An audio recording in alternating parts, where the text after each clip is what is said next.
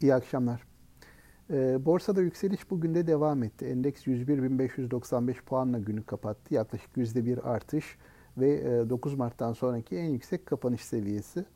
E, önümüzdeki günler içinde yukarıya yönlü hareketin devam etmesi yönünde umutları arttırdı. E, genelde endeksin temel motivasyonu yukarı yönlü hareket süresince temel motivasyonu yurt dışı piyasalarda görülen yukarı yönlü hareketler oldu. Buradan biz e, genelde bir enerji aldık. Burada da yurt dışında da bugün en önemli konu Amerikan piyasalarında koronavirüsün tedavisine dönülük e, bayağı önemli, kaydı değer adımların atıldığı yönündeki haberlerin finansal medyaya yansıması oldu. E, pek çok basın yayın organında bu konuda haberler çıktı ve Amerikan piyasalarında da e, endeksler bu haberin etkisiyle yukarı yönlü hareketlerini sürdürdüler. Şu an itibarıyla %2-3'lük artışlar var endeksler bazında.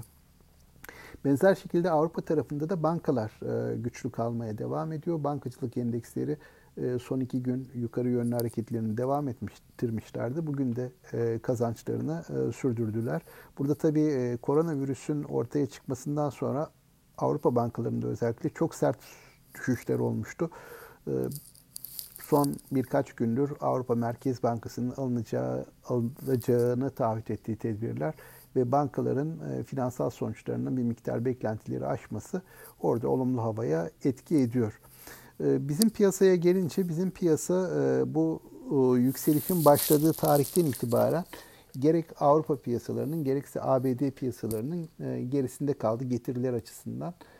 Dip seviyelere göre ABD piyasaları dolar bazında yaklaşık %31 getiriye sahip. Bizim e, borsanın getirisi ise yaklaşık TL bazında %21 civarında. Burada kur etkisinde düşecek olursak %14'ler civarında dolar bazlı bir et, e, artış söz konusu. Tabii e, endeksler basında baktığımızda bu geride kalmanın temel nedenlerinden birisi bankacılık e, sektörü. Bankacılık sektör endeksi Yine bu yükselişin başladığı tarihten itibaren TL bazında %16, dolar bazında %10'luk bir getiri sağlamış. E, bir miktar ayrışmayı açıklayan faktörlerden birisi bu. E, bu aralar bankalar karlarını açıklıyorlar. Dün Akbank'ın sonuçları geldi. Az önce Garanti'nin sonuçları da e, gelmiş oldu. Garanti'nin sonuçları bir miktar piyasa beklentisinin altında kaldı kar olarak.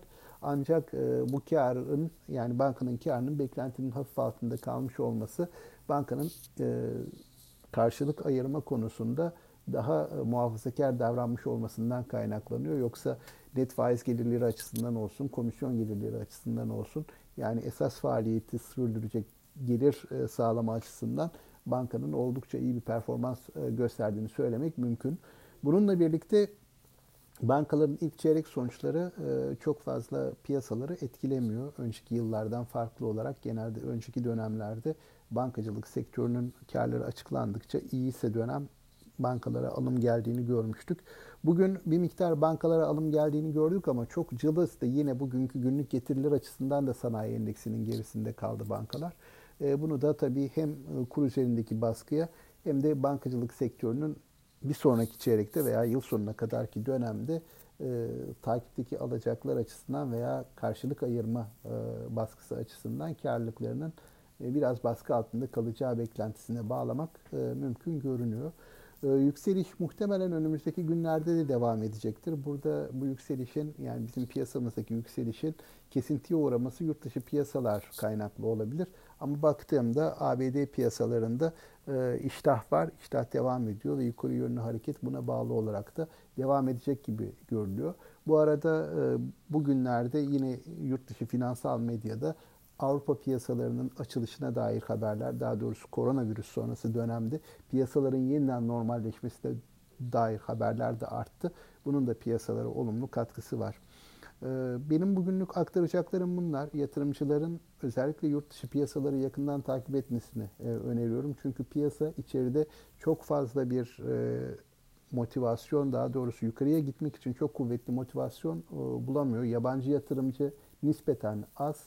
E, dolayısıyla yurt dışına bakarak hareket ediyoruz. E, burada da e, bir de tabii ki alternatif getirinin getiri oranlarının düşmüş olması ve borsanın dolar bazında bir hayli dip seviyelere yakın olması da söz konusu.